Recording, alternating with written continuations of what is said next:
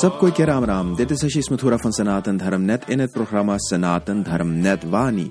Het is vandaag Vragenvrijdag en dat betekent dat we weer vragen gaan beantwoorden die jullie via Facebook, via mail, via de website of via Twitter naar ons hebben gestuurd. Op de laatste Mindful Maandag, en dat kan je dus terugluisteren, we gaan de link eventjes hieronder ook zetten. Op de laatste Mindful Maandag hebben we het gehad over ahimsa. Ik kan het vertalen als geweldloosheid of non-agressie. Niet agressie uh, beoefenen op, uh, op wat dan ook. En hoe belangrijk ahimsa is binnen het Hindoeïsme. Ahimsa wordt gezien als een centrale basisprincipe binnen Sanatan Dharma. En ieder Hindoe, ieder Sanatan hoort deze principe te begrijpen en te proberen toe te passen in zijn of haar dagelijks leven. En daarom hebben heel veel mensen ons mails gestuurd met vragen over ahimsa in de praktijk. Dus hoe ze dat in de praktijk kunnen toepassen. In plaats van iedere vraag individueel op te lezen en, en te beantwoorden, zal ik proberen gewoon door een, een soort van gesprek te voeren met jullie. Uh, beschrijven hoe je dit kan toepassen in het dagelijks leven bij verschillende aspecten van het leven. Als eerst heb je natuurlijk jezelf. Dus ahimsa voor jezelf. Nou, wat ben je? Je bestaat uit drie delen. Hè? Je hebt je ziel, je hebt je geest, je denken en je hebt uh, je lichaam. Dus op deze drie punten is een mens in staat om zowel positiviteit als ook negativiteit te projecteren. Wat bedoel ik daarmee? Als je je lichaam schaadt door middel van bepaalde handelingen, door middel van het doen van dingen, het, door middel van het uh, innemen van dingen. Ik zeg zomaar eventjes wat nu, um, drugs, alcohol, um, jezelf schade door, uh, door jezelf uh, te snijden of um, dusdanige zaken te doen waardoor je makkelijker ongeluk kan krijgen. Dan doe je jezelf geweld aan. Je schaadt jezelf, je schaadt je lichaam. Een hindoe probeert zijn lichaam zo goed mogelijk te behandelen, zo gezond mogelijk te houden, zo sterk mogelijk te houden, zodat hij of zij um, maximaal, het maximale kan halen uit het leven. Zo, uh, fysiek. Hè? Dus de principe van non-agressie naar je lichaam toe is al je lichaam goed en gezond behandelen. Dan heb je je geest, want mentaal kunnen mensen heel veel zichzelf schaden. De, wij allemaal kennen dat een beetje. Uh, wanneer, je, wanneer je negatief praat naar jezelf toe. Wanneer je jezelf demotiveert door wat jij tegen jezelf zegt. In plaats van jezelf positief aan te moedigen. Door jezelf heel veel negativiteit aan te praten, schaadt je jezelf ook in je denken en dus ook jouw doen. Dus de manier waarop jij dan achteruit gaat in het leven, dat heb jij dan veroorzaakt door de manier waarop jij omgaat met je eigen geest. Daarom is het belangrijk om ook geen agressie, want dat is ook een vorm van agressie, uit te oefenen naar je geest toe. Maar je moet juist proberen jezelf positief, je geest positief te beïnvloeden. Ook je ziel, ook je, ook je spirit, ook, ook spiritu op spiritueel vlak is het heel belangrijk om rust en kalmte en gebed en meditatie te integreren in je dagelijks leven. Door dat te doen, zorg je ervoor dat je meer positiviteit brengt. Je kan ook jezelf negatief beïnvloeden door bezig te zijn met negatieve activiteiten die jou spiritueel zullen, laat me het zo zeggen, leegzuigen, die jou spiritueel zullen verzwakken. Je kan ook omgaan met mensen en uh, binnen omstandigheden die ervoor zorgen dat jij spiritueel achteruit gaat. Dat is ook een vorm van agressie. Op dit moment tot nu toe hebben we het alleen nog gehad over jij, jij als individu. Maar nu gaan we het eventjes hebben over jij naar de natuur toe. Als je kijkt naar hoe de mens omgaat met de natuur, dan heb je twee, twee categorieën mensen eigenlijk. Zij die, die, die destructief bezig zijn, dus um, met hinsa werken. En zij die non-destructief bezig zijn met de natuur, met hun omgeving. Ik wil niet zeggen dat een mens perfect hoort te handelen. Want kijk, zelfs als je, als je loopt in het bos, dan zal je op gras trappen, je zal op planten trappen, je zal dingen beschadigen. De kunst van het leven is om meer te creëren meer positiviteit te spreiden dan hoeveel je vernietigt, hoeveel je kapot maakt. En dat is, dat is een andere manier van denken dan wat wij nu makkelijker zien of, of, of uh, wat, wat meer verspreid is over de wereld. Dat de mens meer destructief naar de natuur is om, om zijn zin te krijgen en minder positief met de natuur is, minder um, ja, opbouwend is, minder steunend is, minder onderhoudend is naar de natuur toe.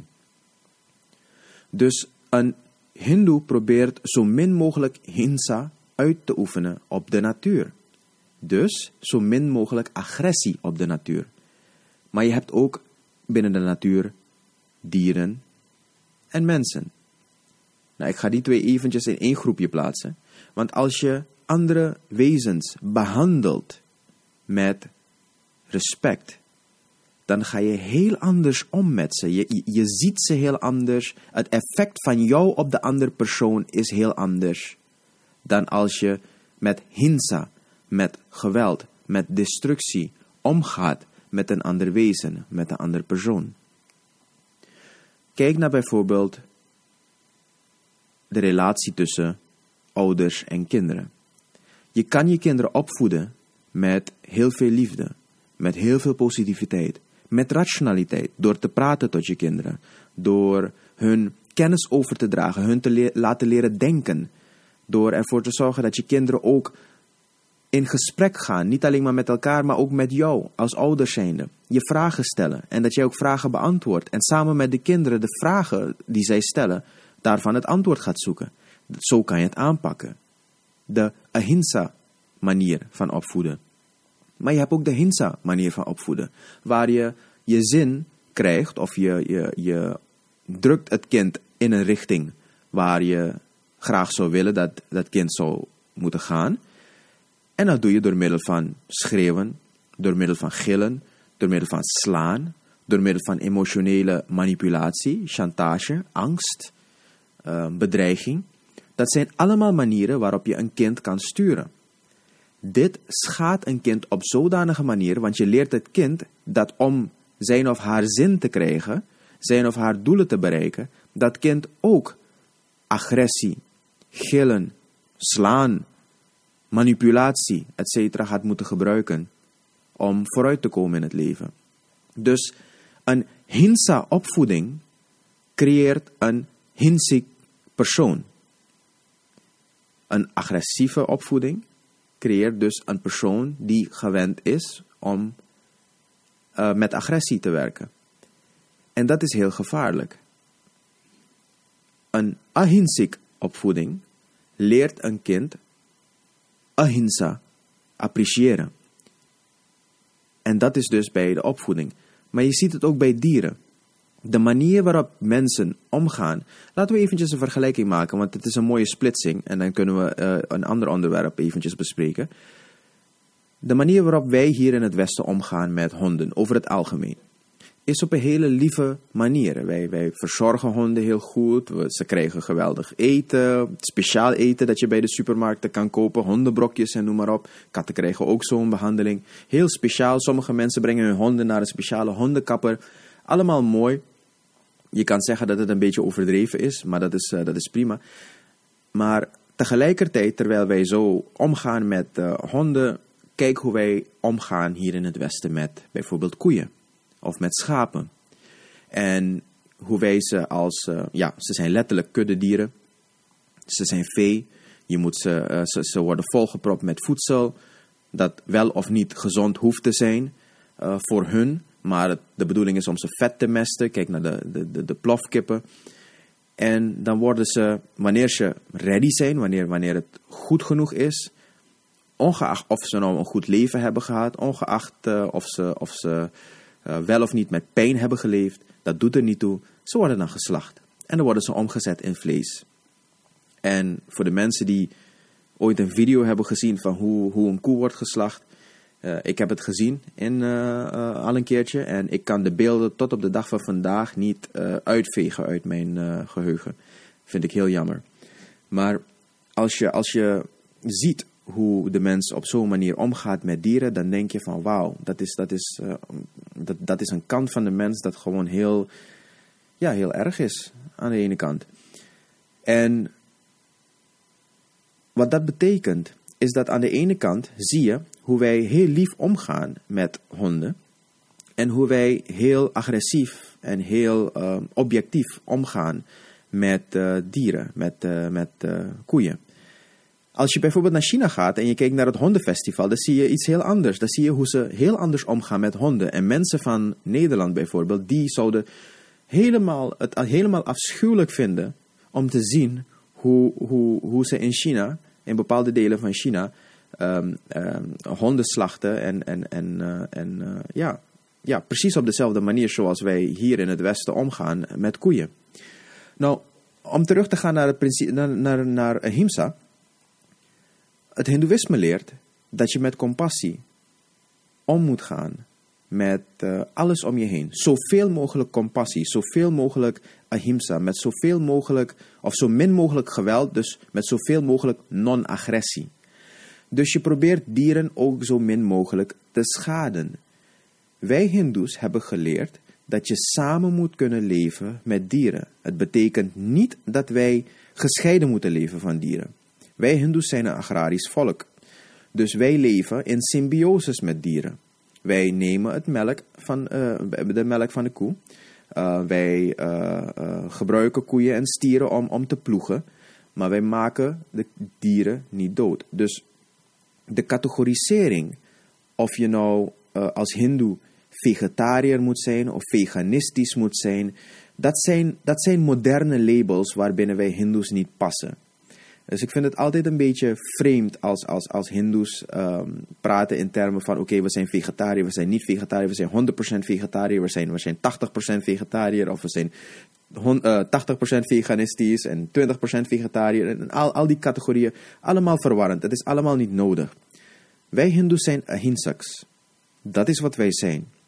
Dat betekent dat wij proberen zo min mogelijk schade te brengen naar mensen, naar dieren, naar planten toe.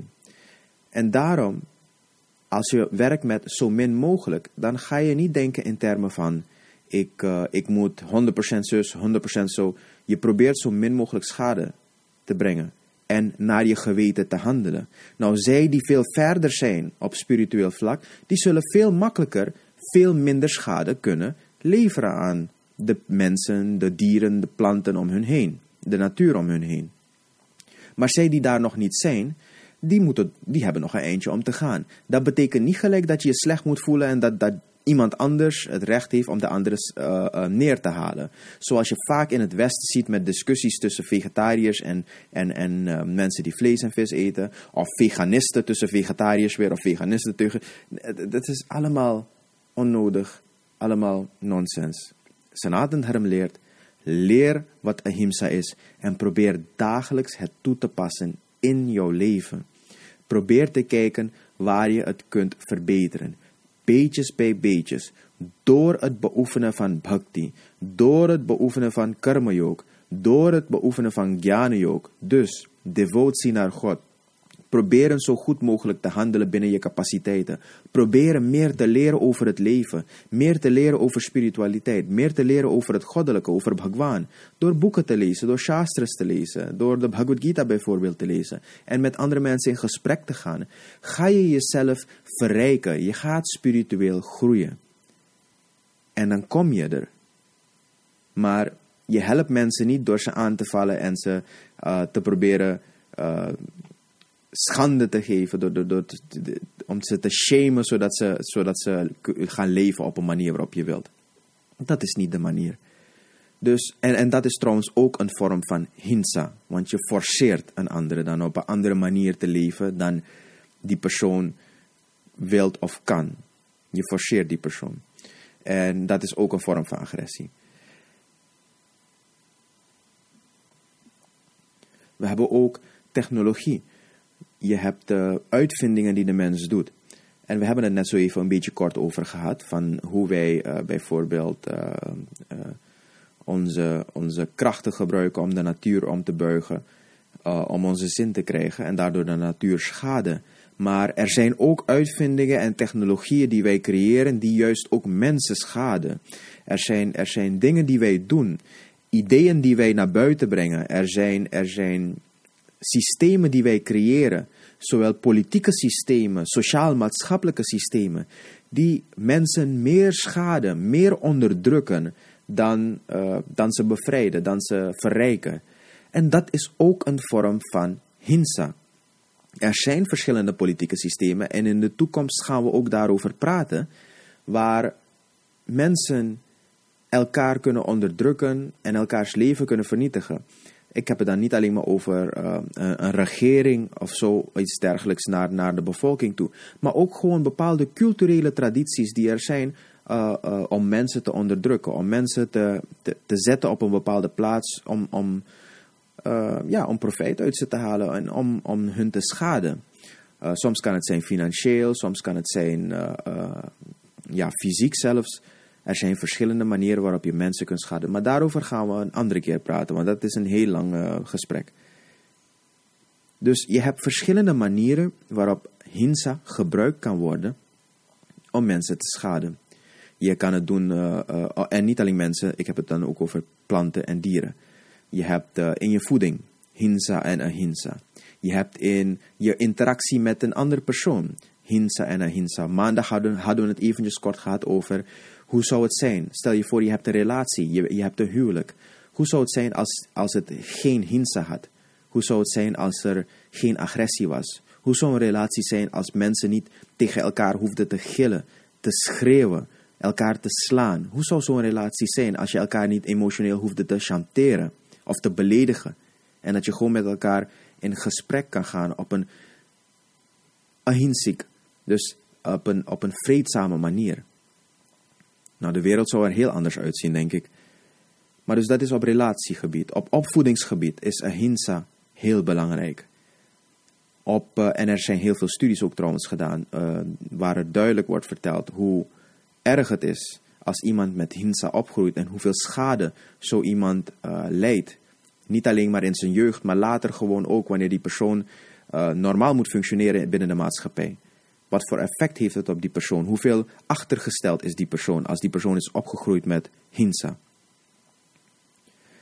Je hebt ook hinsa naar de dieren toe, dat hebben we ook behandeld, en hinsa naar de natuur toe. Dus zo zie je dat de principes die Sanatan Dharma naar buiten brengt, waaronder ahimsa, zo belangrijk zijn voor het creëren van niet alleen maar een beter leven voor jezelf, maar ook een betere maatschappij waarin wij allemaal kunnen leven. Dat is hoe belangrijk ahimsa is. Nou, ik denk dat ik uh, dan de meeste, als niet alle vragen heb kunnen verweven in uh, dit verhaaltje wat ik heb verteld. Als er nog vragen zijn, dan hoor ik dat graag. Stuur een mail, um, zet een Facebook post of uh, stuur een berichtje via Twitter. Of je kan het ook natuurlijk via de website doen. En we zullen proberen het heel snel te beantwoorden. En... Um, Komende maandag zijn we weer terug met Mindful Maandag, waar we weer een principe vanuit Senaat en Herm zullen behandelen. Wel heb ik een vraagje. Ik heb graag van jullie dat jullie eventjes vertellen of jullie het wel fijn vonden, want vandaag is het programma bijna 20 minuten lang. En sommige mensen vinden dat een programma juist kort hoeft te zijn. Sommige mensen willen juist veel langer, veel meer uitleg hebben. Laat me weten wat jullie ervan vinden. Um, tot maandag. Heb een fijn weekend. Heb een rustig weekend. En uh, we spreken elkaar maandag. Sap koi Swatimama.